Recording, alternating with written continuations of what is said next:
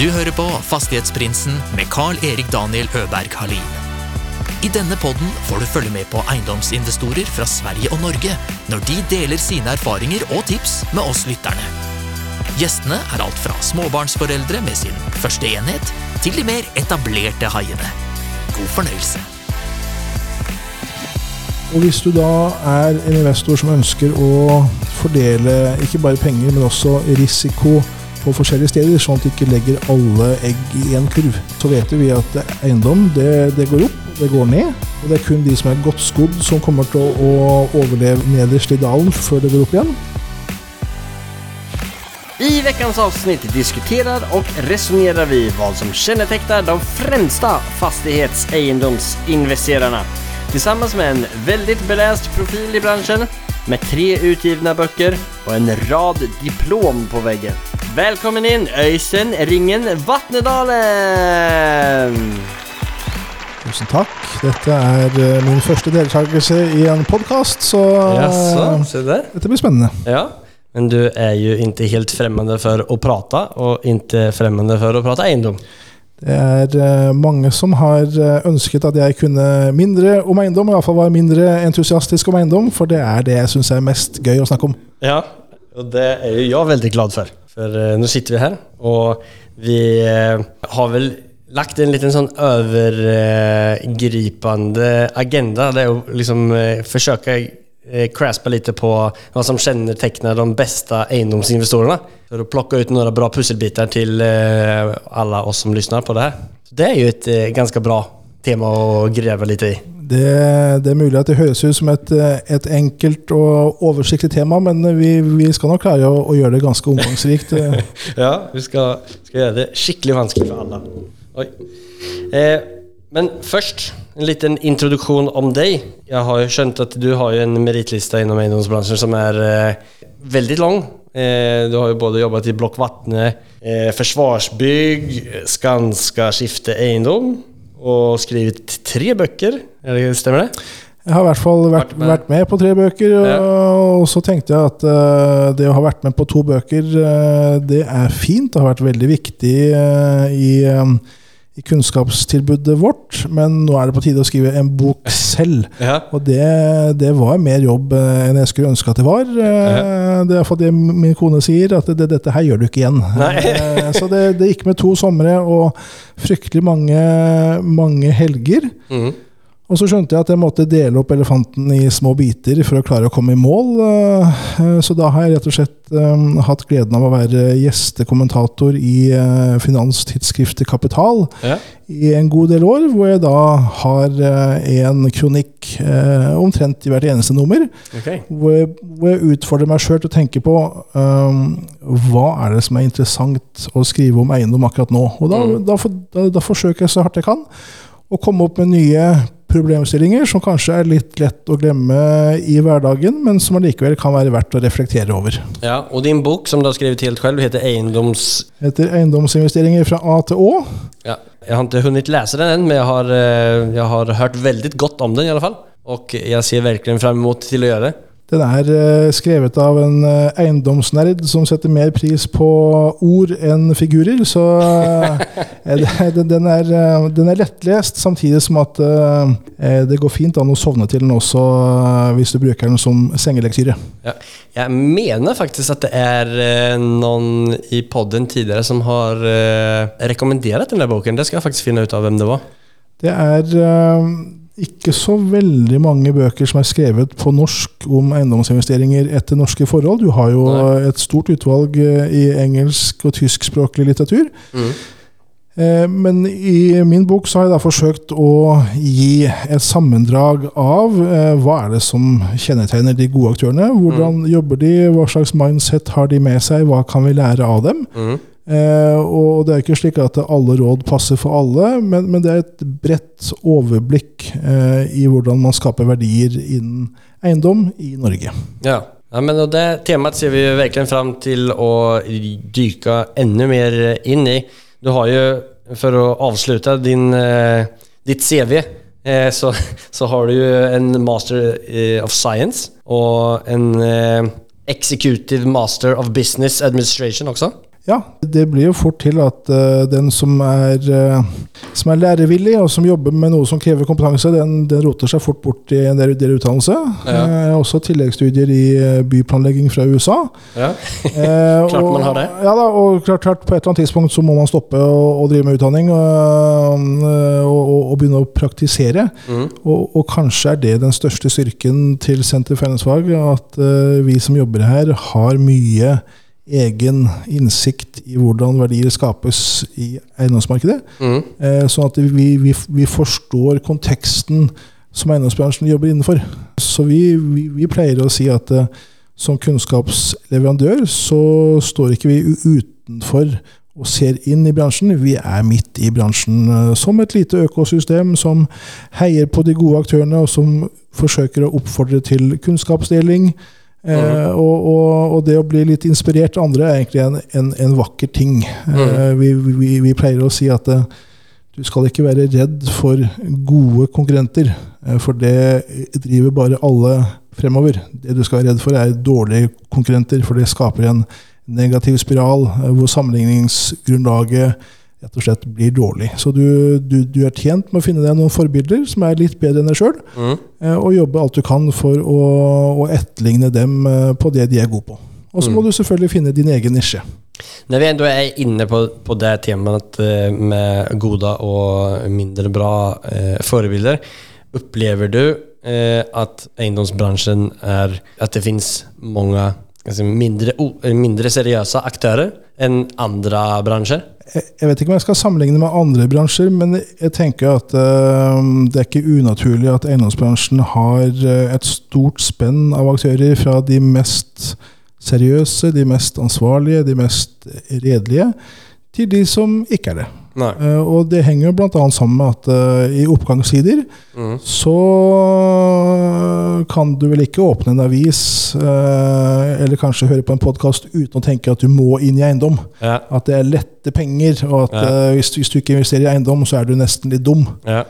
Eh, og da får man jo mange forskjellige typer aktører som Mm. kommer inn med veldig forskjellige mindset og, og, og holdninger og verdier. Og som kanskje ikke alle er opptatt av å skape kvalitet for kunden.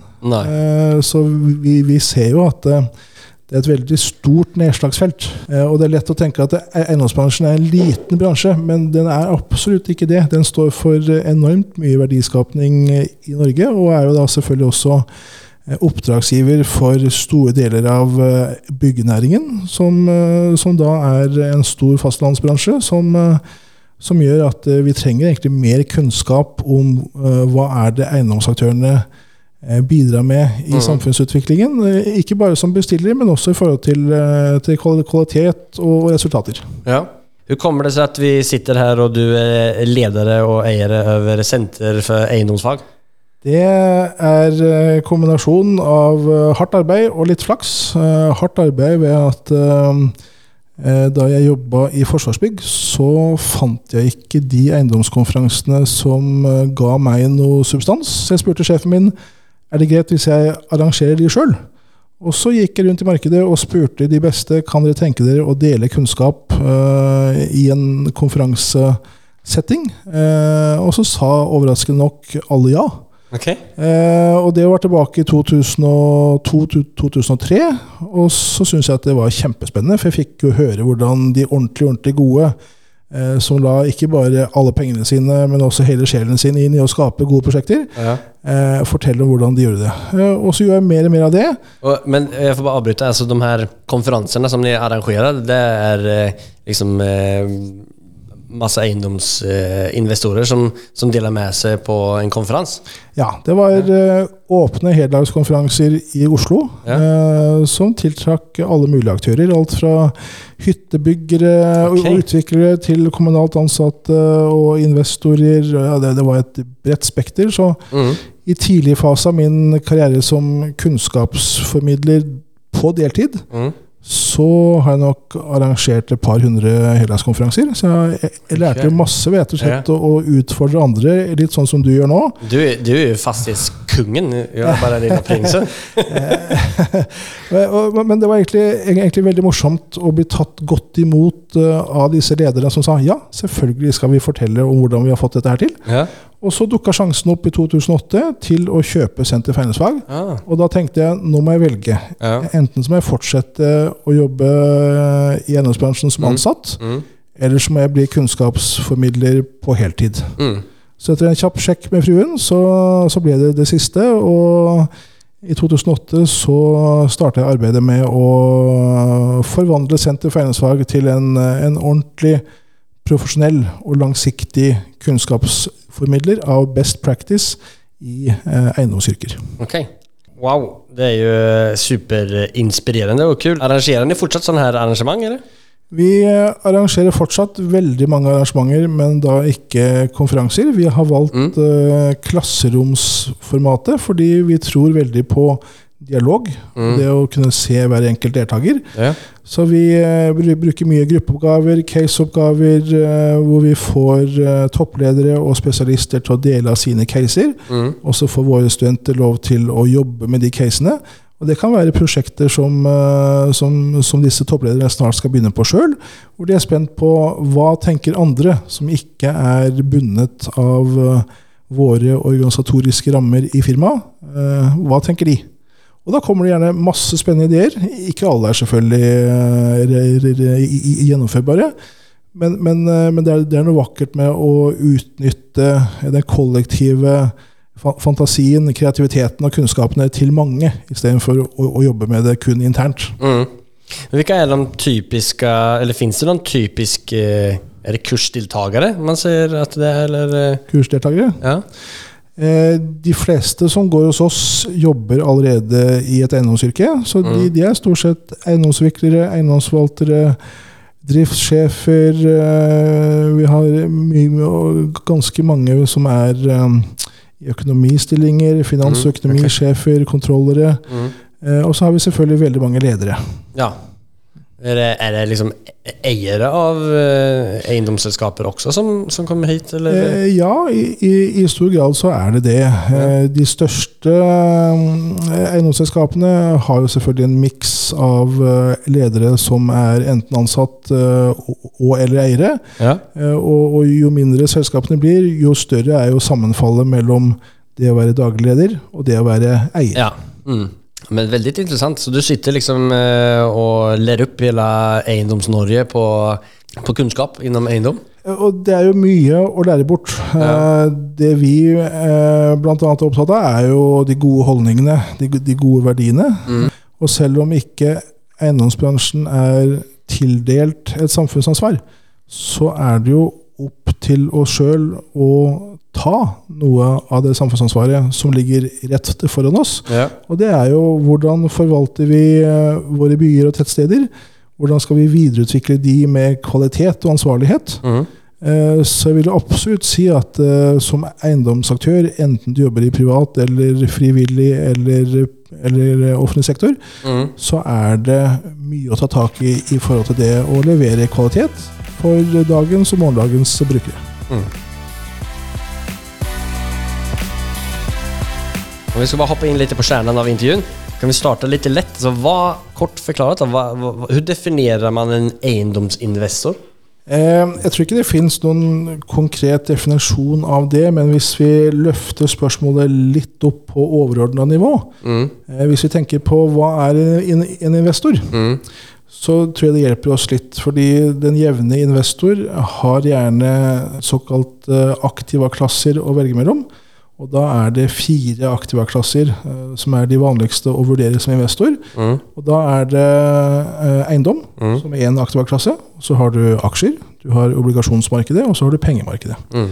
Og hvis du da er en investor som ønsker å fordele ikke bare penger, men også risiko eh, på forskjellige steder, sånn at du ikke legger alle egg i én kurv, eh, så vet vi at eiendom det, det går opp og det går ned. Plutselig så er markedet overopphetet, og alle skal inn, og kapitalen eh, er til stede overalt. Og, vips, så er vi nede i en bølgedal, og, og mange må ut, og, og noen må tvangsselge. Og det er kun de som er godt skodd, som kommer til å, overleve nederst i dalen før det går opp igjen. Har du det mindsetet med deg som investor, så vil du kanskje ønske å fordele risiko sånn at noe har du i aksjer, noe Ja. har du i eiendom, noe annet har du kanskje i, i renter, obligasjoner. Mm. Eh, og der har vi sett eh, de siste ti årene at eiendom har vært en veldig attraktiv aktivaklasse. Mm. Fordi det har vært lett å sammenligne opp mot aksjer. Og hvis du eh, har investert i aksjer, så vet du at det er kjempelett å kjøpe. Og stort sett er det også veldig lett å selge. Du trykker på en knapp øh, som heter kjøp, eller en som heter salg. Og så, hvis du da har valgt riktig pris, så går det ganske fort, og pengene er på bok i løpet av kort tid. Eh, og sånn har det nesten vært i eiendom også. Nå er det jo kjempelett å kjøpe eiendom hvis du har penger. Alle kan kjøpe eiendom. eh, Jeg, jeg kan kjøpe eiendom, du kan kjøpe eiendom. Eh, Men det er ofte litt vanskeligere å selge.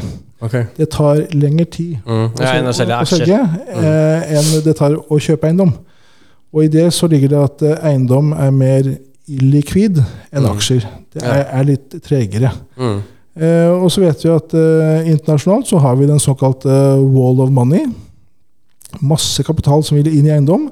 Men så har vi også hatt korona, Mm. som gjør at eh, man eh, til, i større grad setter pris på eh, investeringer som er nærmere en sjøl. Eh, alle de som investerte i eiendom i Berlin eh, før korona, er det ikke slik at eh, de nødvendigvis vil ønske å måtte krysse landegrenser for å følge med på sine investeringer. Kanskje flytter de pengene nærmere der de er. Mm. Eh, Og så har du en, en, en, en, en rekke megatrender som påvirker dette her. Så for en investor så er dette her ganske krevende. Og nå har vi jo mye uro i børsmarkedene, som også smitter over på eiendom. Vi har energikrise, og vi har eh, materialkostnader som går eh, i været, utfordrende logistikkjeder. Eh, og alt dette her eh, gjør det litt vanskeligere å favorisere eiendom over aksjer. Mm. Ja.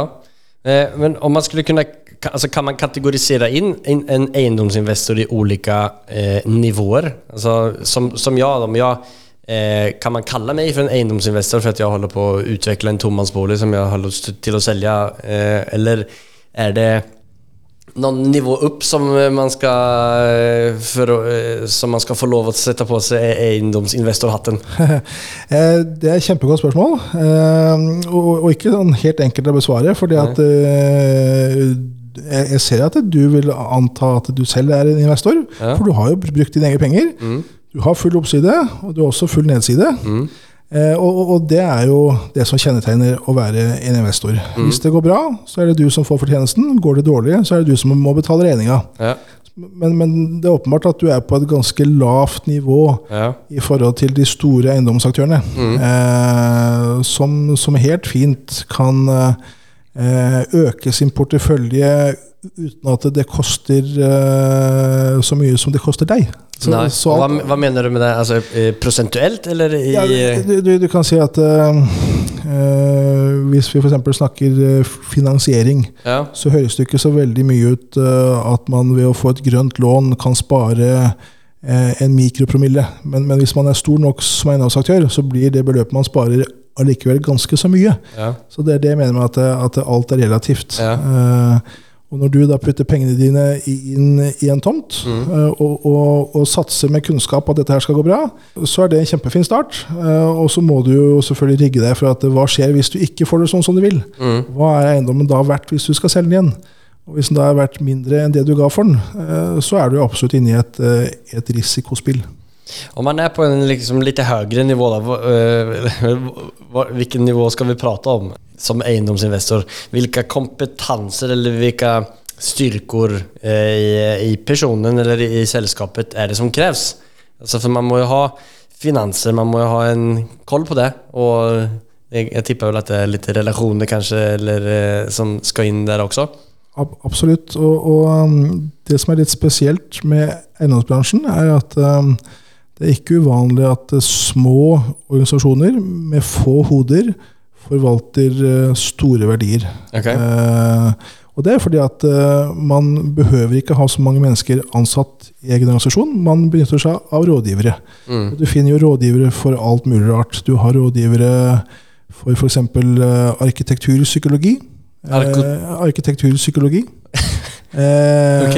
Jeg håper å si 'slå det opp'. Altså det, Ja. det, det er veldig interessant. Mm -hmm. jeg tror ikke det var så mange som, som snakket om eh, behovet for rådgivning innenfor arkitekturpsykologi for 15 år siden. Men, men det har absolutt uh, fortjent sin plass uh, for mange typer prosjekter. Uh, og, og mengden av rådgivningsområder som eiendomsaktørene må vurdere, øker jo litt for hvert tiår. Og det betyr at den bestillerkompetansen som du må besitte i din egen organisasjon, i tillegg til eiendomskompetansen, eh, den blir viktigere og viktigere. Mm. Men så om jeg, om jeg og mine to eh, smarteste kompiser skal eh, bli store innom eiendom, hvilke, hvilke styrker eller hvilken kunnskap er det som man skulle besitte? da? Altså for, eller om man skulle kunne kategorisere inn, innenfor det her må vi bemestre, innenfor det her må vi bemestre. Om du kan kategorisere opp det på noe sett.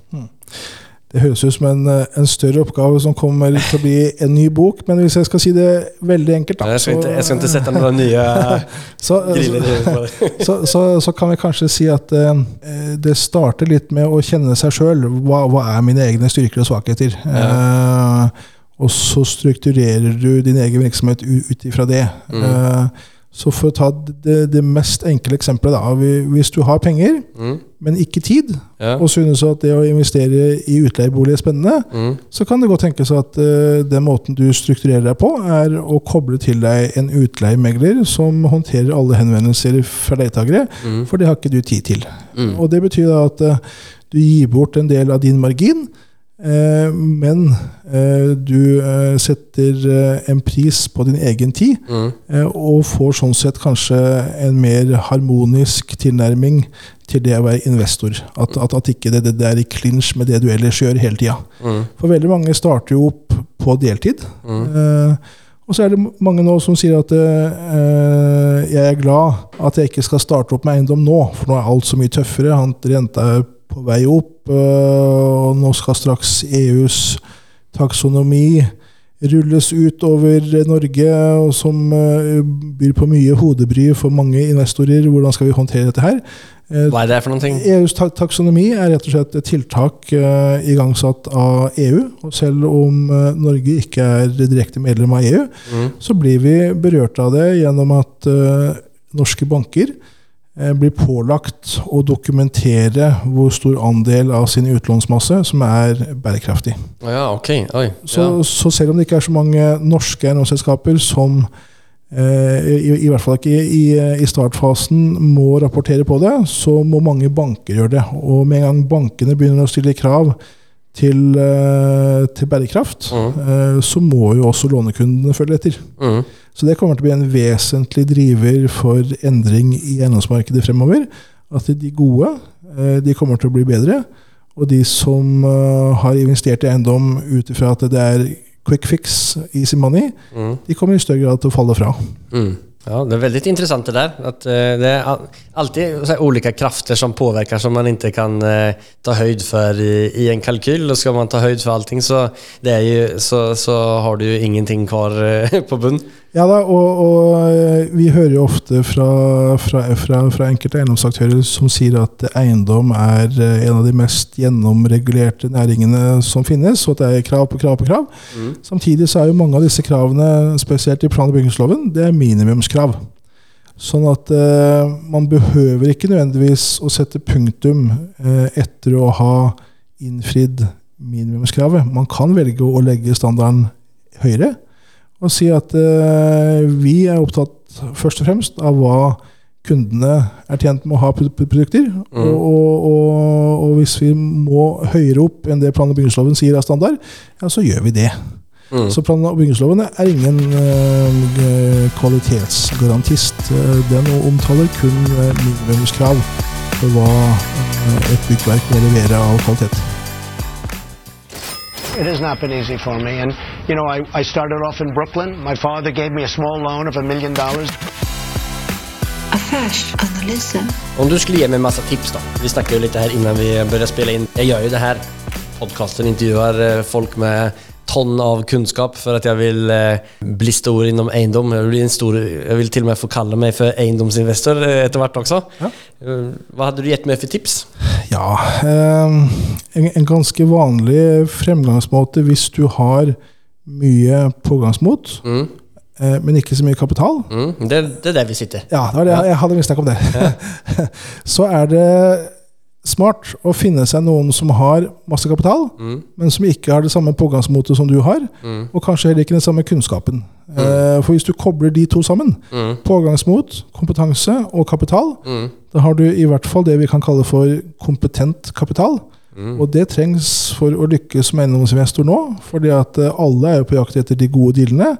Og da, for at du skal lykkes, så, så må du egentlig ha gjort uh, et godt forarbeide, og det er en kjempefordel å vite ganske nøyaktig hva har du å rutte med av økonomiske midler. Eh, f kan si at Før finanskrisen så var eiendomsmarkedene mm, ganske så fullsatt av spekulanter som alle skulle inn i eiendom i en oppgangsperiode. Alle skulle tjene penger kjapt, og så skulle de ut igjen. Og så var alle på jakt etter det store prosjektet som eh, kunne gjøre at de kunne pensjonere seg tidlig. Mm. men det, det er ikke sånn det fungerer. Eh, det, det er heller det norske uttrykket 'mange bekker små gjør en stor å'. Altså at det, du, du må jobbe med mange prosjekter og legge kvalitet i alle. Oppføre deg ordentlig, gjøre en god jobb. eh, Og så er det summen av prosjektene som gjør at du, du lykkes stadig bedre. Og da kommer økonomien også av seg selv. Men disse herrene og fruene med, med en liten kassa og som eh, med, sitter med føttene oppe på bordet. Jeg kjenner jo ingen av dem. Hvordan skal man, eh, liksom, hur skal man få muligheten til å, å vise seg fram? For jeg, jeg sitter jo ikke i denne båten selv, utan det er mange som sitter i det samme, som, som kanskje er veldig interessert av å ha masse pågangsmot, men de vet liksom ikke hvordan man skal approache en sånn. Ja, og, og jeg tenker at uh, før man helt tatt bør vurdere å ta kontakt med noen som har mye kapital, så bør man jo se grundig på sin egen kompetanse. Mm. Har jeg reelt sett noe å tilby? Mm. Eh, og, og, og, og da må man jo tilegne seg de ferdighetene som den som har kapital, ikke har. Ja. Så for å klare å få gjennomslag for et uh, investeringscase, som det da er, enten på et enkeltprosjekt, hvor du da kanskje ser at her har jeg muligheten for å kjøpe tomt, eh, du har kanskje kontakt med den som ønsker å leie det bygget som kan oppføres, men du har ikke finansene. Da, da må du lage et investorcase og, og vise til eh, risiko og forventa avkastning. What's in it for me? Det kommer investoren til å spørre. Og ikke minst, hvorfor skal jeg stole på deg? Mm. Så det å bygge opp et case på nettopp hvorfor skal jeg stole på deg, Mm. eh, vil jo ganske naturlig også måtte romme noe om din track record. Ja. Eh, Så jeg hadde nok ikke stolt fryktelig mye på noen som hadde et spennende prosjekt, men ikke track record. Nei. Så, eh, så en sånn veldig generell anbefaling er jo da å begynne å jobbe med prosjekter som kanskje er på et litt lavere nivå enn det du ønsker deg, Mm. for å få erfaring, sånn at du kan vise jeg har, jeg har gjort disse prosjektene her. Mm. De ble gjennomført på tid, på kost, og alle er fornøyd. Ja. ja, men det var jo eh, precis det som eh, liksom hele podkastprosjektet starta og eh, hele min, eh, det her prosjektet som jeg driver med en partner nu i, i Drøbak. Det, det viktigste var at vi skulle få komma igång. Och nå skal det stå ferdig i september og oktober. Og vi, der finansierer vi via, via crowdfunding. Veldig bra mulighet for den, situasjonen som jeg var i da. For vi kom bort i en bra tomt og en bra mulighet. Men har du ingen track record så er det ingen bank som ville gi meg muligheten. Men her betaler jeg mer renter, men, eh, få får kanske mindre eh, profit på det prosjektet. Men just det där du sa, jag får track record, jag har någonting att visa till. Här har jag genomfört någonting och så kan jag gjøre det en gang til, og så får jeg lite bedre track record Og så kanskje på prosjekt tre så kanskje jeg kan eh, ha en fin liten bildbok Ja, ja.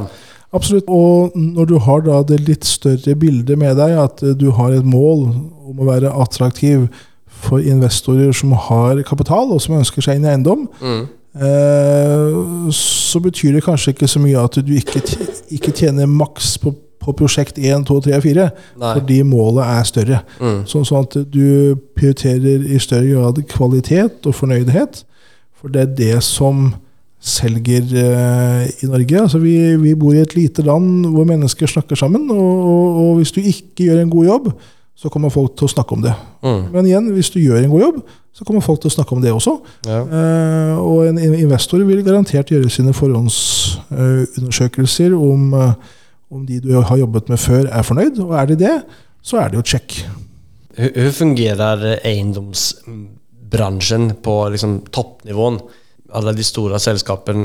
Er det på samme sett som eh, når man eh, finner, man finner en tomt? Man kom, fikser en, eller man eh, får en liten idé. Man eh, eh, hittar eh, penger, eller man har penger selv, og setter det sammen. Eh, kan du beskrive litt hvordan dynamikken fungerer på litt høyere opp? Ja, eh, hvis du har som profesjonelt virke å kjøpe eiendom på jevnlig basis Mm.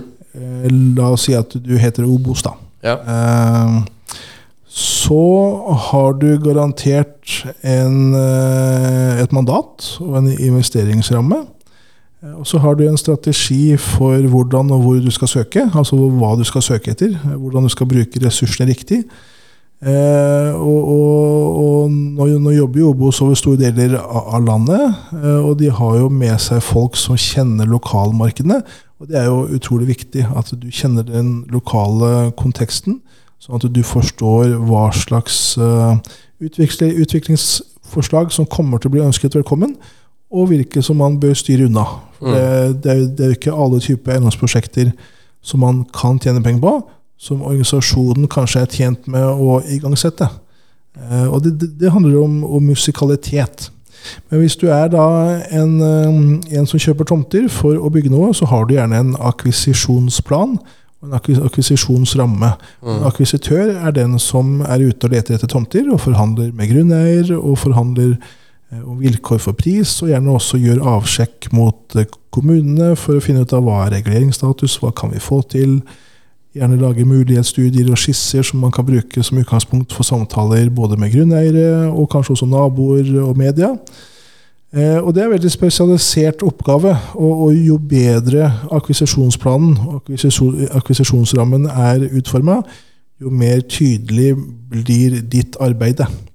Så hvis du hadde kommet til meg, hvis jeg hadde vært Obos, og du hadde kommet til meg og sagt jeg har en tomt, så hadde jeg tenkt på ligger den innenfor min akkvisisjonsplan. Er det et område som jeg er interessert i å ha prosjekter i?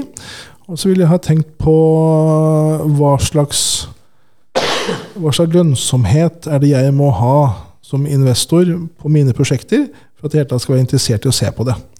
Og, og, og, og avkastningskravet er jo investors uh, dørvakt. Uh, hvis ikke du kan vise til at jeg kan få den avkastningen som jeg må ha på min kapital, gitt min risiko og, og, og, profil, så vil jeg takke nei til de tilbud. Men hvis det er innafor, så kan jeg se nærmere på det.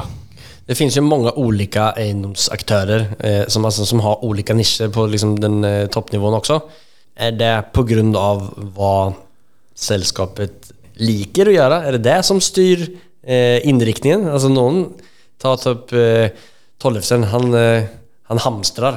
Han är en collector, om man ska kategorisera det lite som så. Mens någon eh, bara utvecklar, eh, kanske. Har du någon förmening om eh, hur man på den nivån liksom velger den ene, den andre eller tre stykken? Ja, absolutt. Eh, Du kan si at eh, spesielt før finanskrisen så var nok eh, store deler av eiendomsbransjen mer generalister. At her kommer en deal, der kommer en deal, dette kan vi tjene penger på, og dette kan vi også tjene penger på. Eh, Men etter hvert så ville da mange banker tenke at det å si til banken at du er god på alt, det tror vi ikke på. Nei. Så det er noe vakkert i det å finne en nisje hvor du er ikke bare god, men kjempegod. Mm. Og så lar du de andre forretningsmulighetene rett og slett ligge i ro. Og så sier du at jeg skal bli kjempegod på logistikksentre, næringsparker eller, eh, eller, eller seniorboliger. Eh, Og det er jo kanskje akkurat det Tollefsen har lykkes godt med, at han sier at han er kjempegod på utleieboliger. Ja. Og så vet vi at da, han har også andre ting å drive med, men hovedbudskapet i forhold til bankvesen, i forhold til eksterne investorer, aksjemarkeder, er at han er supergod og vokser seg kjempestor eh, ut fra en eller annen forutsigbar plan på én ting. Og det liker bankene veldig godt høre. Er det du som har lært han opp? Det er det ikke. Men hva er det som kjennetegner liksom, de eh, største og de beste eiendomsinvestorene? Um, De har i hvert fall en plan med det de gjør. Eh, og hvis vi skal bruke et eksempel som ikke er så langt unna her vi sitter nå i Vika, så har du jo Tjuvholmen, som mm. er bygget ut for ikke så altfor lenge siden. Og um, hvis vi tar med oss inn i konteksten at uh, utbyggerne, uh, Selvåg og Asbjørn Ramm, hadde eh, i sine kalkyler en tanke om at eh, gitt eiendomssektorens eh, sykliske natur, med oppturer og nedturer, turer, så vil man sikkert oppleve minst én nedtur i løpet av pr- prosjektets totale varighet. fordi at det er et ganske stort Ja. prosjekt som bygges ut etappevis.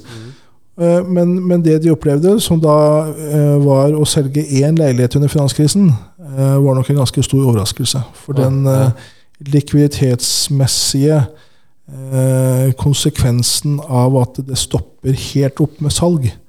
Eh, og når det stopper opp med salg, så stopper det også opp med fremdrift, eh, med mindre man er villig til å pøse på med enda mer egenkapital. Mm. Eh, det var nok en ganske tøff lærdom. Så, så, så jeg har en hypotese om at hadde det vært mindre kapitalsterke, mindre langsiktig tenkende, mindre seriøse aktører enn de to utbyggerne som, som, skulle, som, som vant vinnerkonseptet til Tjuvholmen og skulle stå bak utbyggingen, så kunne vi i Norge ha opplevd det som vi har sett i Spania, med forlatte byggeplasser hvor armeringsjernet står eh, nakent for vær og vind og ruster. Og hva skjer med noe sånt? Det er ingen som ønsker å overta et halvferdig prosjekt. eh, Nei. I hvert fall ikke i Norge. Det, er, det har vi ikke noe erfaring med. Så, så jeg, jeg tenker at de ordentlig gode Mm. de har lagt en plan for at eh, når de skal ut på tur med et prosjekt, Mm. så har de eh, mange typer virkemidler i sekken. De har en plan A, de har en plan B. Og hvis det skulle gå ordentlig ordentlig galt, så har de tenkt grundig på akkurat det også. Gjør ikke det noe med marginen av å ta høyde for alle eventualiteter som kan hende? En dipp, om du legger inn det i kalkylen så klarer man jo kanskje å, å regne bort nesten hvert enda prosjekt?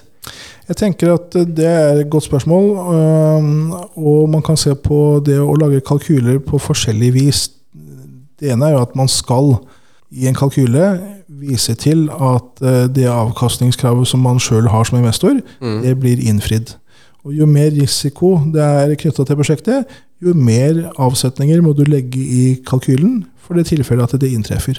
Så Hvis du da f.eks. har en tomt hvor det er mistanke om veldig mye forurensning, men du får reelt sett ikke sjekka det ut før du er eier selv, så må du gjøre avsetninger for mulig tap, øh, eller, i hvert fall kostnader knytta til forurensning.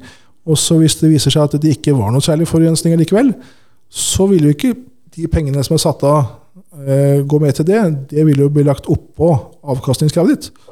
Og hvis du har mange avsetninger knytta til risiko, som du gjennom kompetanse kan jobbe positivt med, sånn at de ikke blir kostnader, så blir jo avkastningen høyere. Eh, og som jeg skriver om i min bok, eh, så er det derfra begrepet superprofitt kommer fra. Ja. Og det er rett og slett at eh, hvis du har kompetanse til å takle prosjekter som andre ikke tør ta tak i, Ja. så får du både ditt generelle avkastningskrav, Ja. men også det som alle andre må bake inn som risiko, fordi at du er designa for å håndtere den type risikoen. Og Da får du avkastning pluss det, det som ikke er brukt, som kan ligne på en superprofitt. Og så kan man jo ikke regne på med at det er standarden for ethvert prosjekt. Nei. Men det ligger mye vakkert i det å ha en nisje og tenke at det er dette her jeg er god på. Ja. For da er du bedre til å takle den spesifikke nisjerisikoen enn generalistene. Og da ser din kalk kalkyle litt annerledes ut. Mm. Men typ som det er prosjektet, om det er en utvecklingsprojekt ut i vattnet der du skal fylle opp eh, bygge masse hus eh, rätt ut i vattnet. For å bli bra på det, snakker du liksom om at man har de beste ingeniørene? De, de beste matematikerne? Er Är det det, som eh? Ehm, Det er også et godt spørsmål, og jeg tenker at eh, det er vanskelig å sammenligne seg med, med utbyggingen av Tjuvholmen, eh, for det, det, det, det er jo ikke en liten utbygging. Nei. Eh, Men ta, ta hvilket prosjekt som helst da. Altså, ja, eh, men det, det, det vi i hvert fall kan si ut fra Tjuvholmen, er jo at eh, kompetanse blir jo nøkkel. At du har vært ute i hardt vær før. Du har eh, noen titalls erfaringer. Du har eh, dyp lommebok. Du har en seriøs vilje til å levere kvalitet. selv om det koster. Eh, og n- når du har gjort det i flere prosjekter, så får jo markedet tillit til deg. Og det vi ser og hører, er jo at uh, sånn som i Oslo, uh, de beste utviklerne de blir jo møtt av kommunale saksbehandlere med en stor grad av tillit, fordi at man har sett hva disse utviklerne har fått til i andre prosjekter. Og da blir stemningen fort litt annerledes enn at det kommer et investeringsselskap som heter Grønnegata 146B, eh, som stiller med arkitekten, og du finner egentlig aldri ut av hvem er det som står bak. Du har ikke møtt dem. Nei. Og du, du, du, du ser ikke helt hvordan de skal klare å skape verdi i prosjektet utover prosjektet. For det er jo gjerne sånn at eh, når man sitter som kommunal saksbehandler, så er man ikke bare opptatt av hvilke kvaliteter er det som skjer eh, for selve bygget, men også opptatt av hva er det bygget gir til omgivelsene. De beste utviklerne og investorene de er kjempeopptatt av hva er det mitt prosjekt kan tilføre omgivelsene. Eh, For man har vært litt for dårlig vant fra tidligere tider med at eh, et godt eiendomsprosjekt stjeler kvaliteter fra omgivelsene. Eksempelvis, vi ligger i i nærheten av en park, og så låner man verdi fra, fra områder som ligger utenfor sitt eget prosjekt, og så sier man at det, derfor er det et godt prosjekt. Nå er jo mantra motsatt. At her har du en park, og så er, er, er prosjektet vårt godt, og så spiller de godt, godt på lag. Sånn at én pluss én er tre. Mm. Ja, men så, så det jeg tar ut av litt av det du sier, er at kvalitet, kompetanse og dype dypa lommer, så klart, men eh, at eh, eh, man ändå har byggt upp ett eh, renommé med, eh, alltså där man kan stole på folk. Alltså det er, låter som at det er veldig viktig. Ja, og vi, som jeg sa, vi, vi bor i et lite land hvor, hvor folk snakker sammen, og, og det vil alltid finnes aktører som, som går over lik for å tjene penger. Eh, og det går én gang. Eh, når, når, du har skjønt hva slags karakter dette her er, så, så, så gjør du jo ikke noe mer business med denne.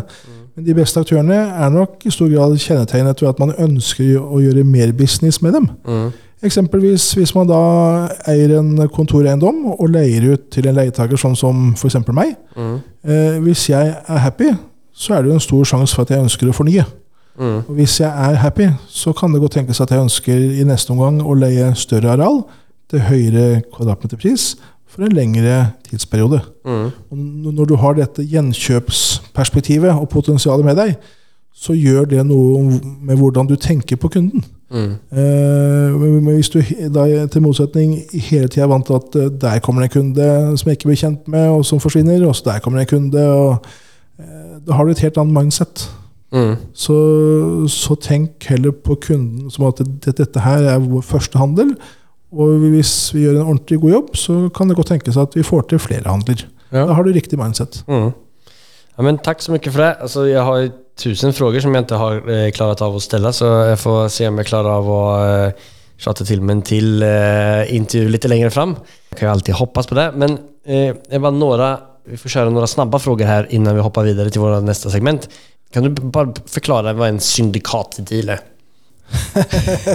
Eller er det, er, er det inte et, et kort uh, samtalsämne kanskje? Det, det vet jeg ikke om jeg om jeg tør å forklare. Nei, ok.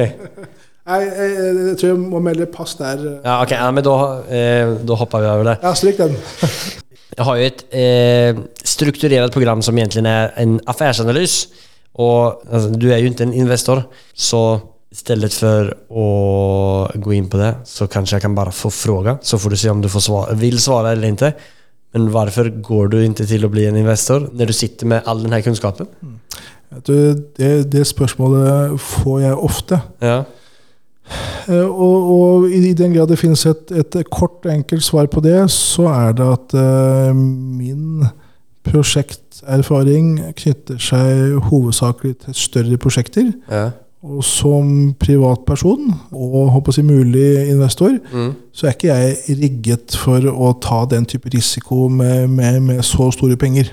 Eh, og hvis jeg hadde gjort det, så måtte jeg ha stått standby 24-7. fordi at eh, skal du drive aktive eiendomsinvesteringer, Mm. så må du være på ballen hele tida. Mm. Da hadde ikke jeg kunnet drevet eh, Senter eh, med undervisning. Jeg måtte, jo, måtte ha gjort et nytt veivalg.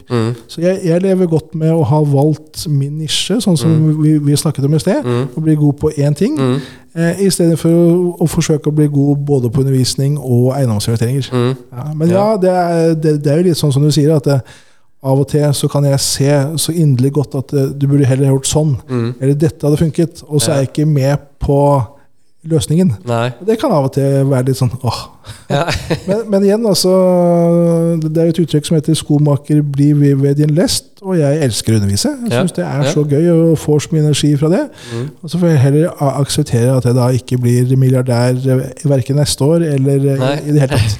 Nei. Nei, men det, det er vel eh, mange som får eh, våkne opp og akseptere at de kanskje ikke fikk bli det.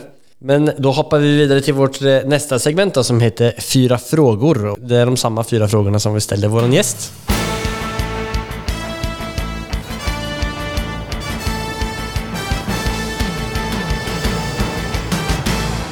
Cuatro preguntas. Och den första frågan är, vad är det som skiljer från en framgångsrik entreprenør mot de som ikke lykkes, slutar eller aldri kommer igång?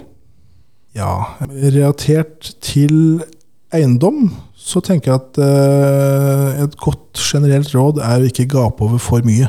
Ja, ved å gape over for mye så kan det jo skape store verdier, men hvis det står på leireføtter fordi at eh, du kommer til å velte over ende ved første motstand, eh, så har du egentlig bare, bare banet vei for at noen andre skal tjene penger på din investering.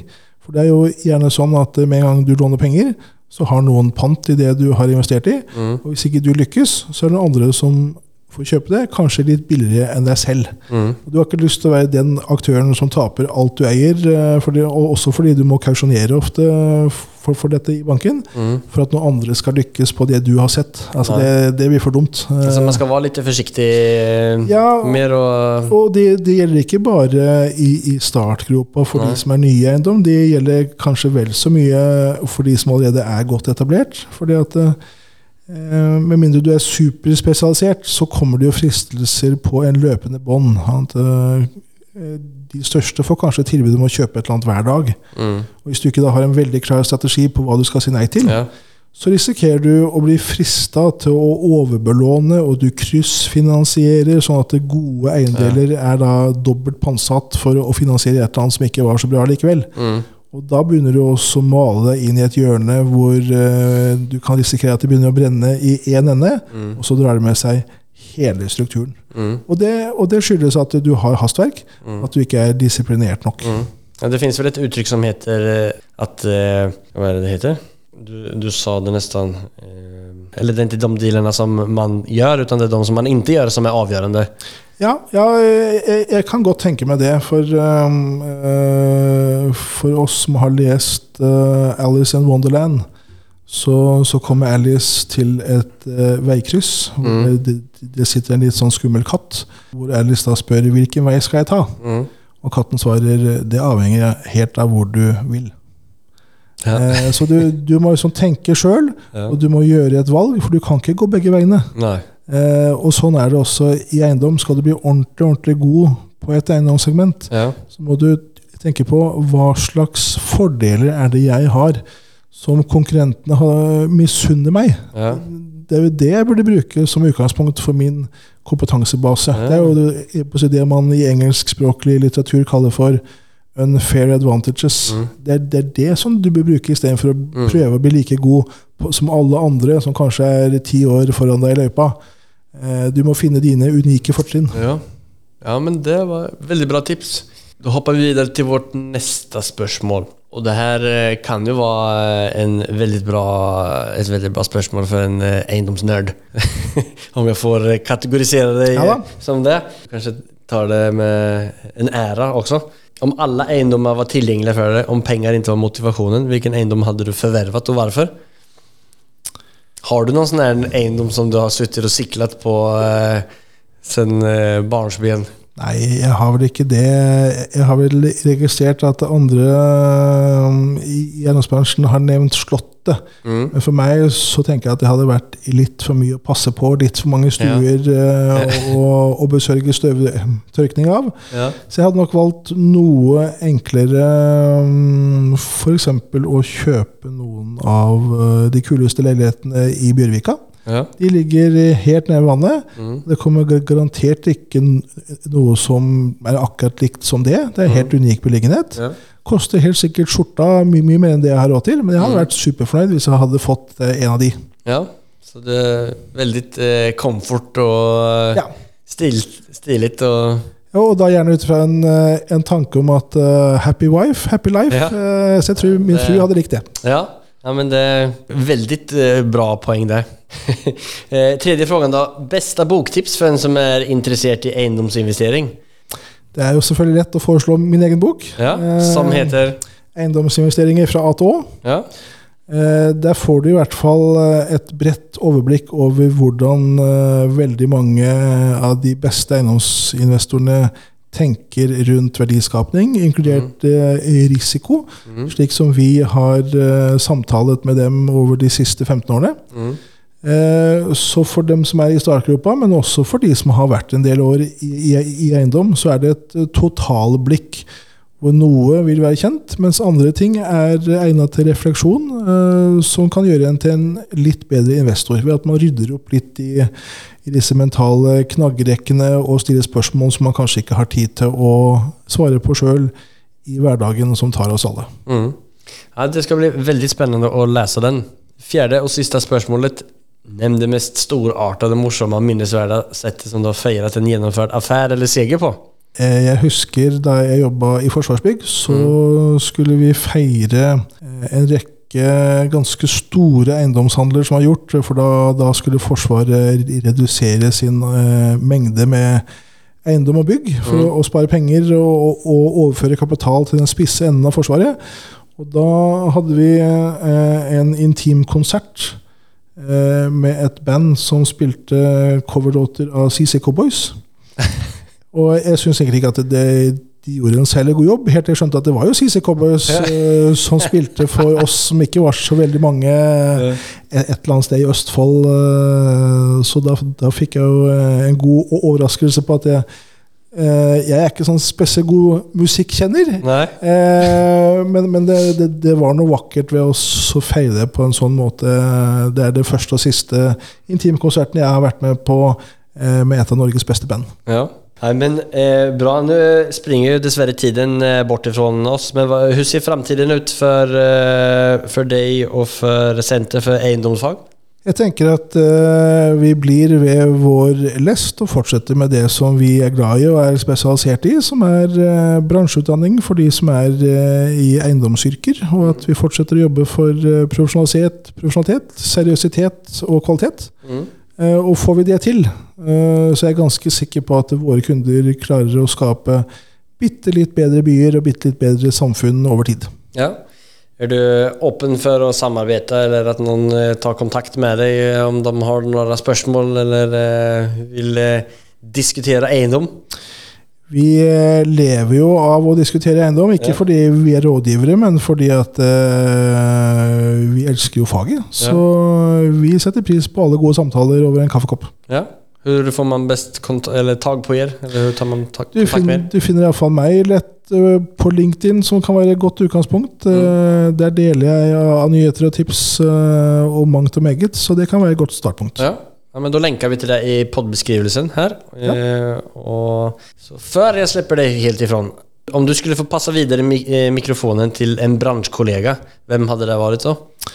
Da vil jeg foreslå eh, Peder Løvenskiold, som er administrerende direktør i Anton Eiendom. Ja.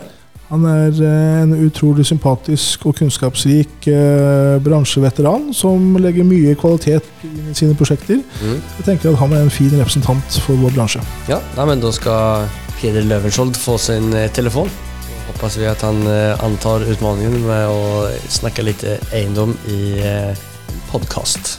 Så får jag säga tusen tack för att du tog dig tid och at att jag fick komma hit til era fina lokaler och snacka massa kul eiendomsprat. egendomsprat. Det var gøy. Ja, det var det virkelig. Så until next time. Takk. Takk. Alle gjester jeg har finner sin egen nisj i en bransje som de elsker. Det samme gjør Øystein med å kombinere lærende og egendomsinvestering. Sommaren er her, og jeg skal passe på å komme i kapp med min läslistade Øysteins bok 'Eiendomsinvestering fra A til Å står på tur. I to uker lockade vi også ut noen eksemplarer på Fastighetsprinsens Instagram. Gå inn og følg oss der for mer tips og mervärde. Ha det!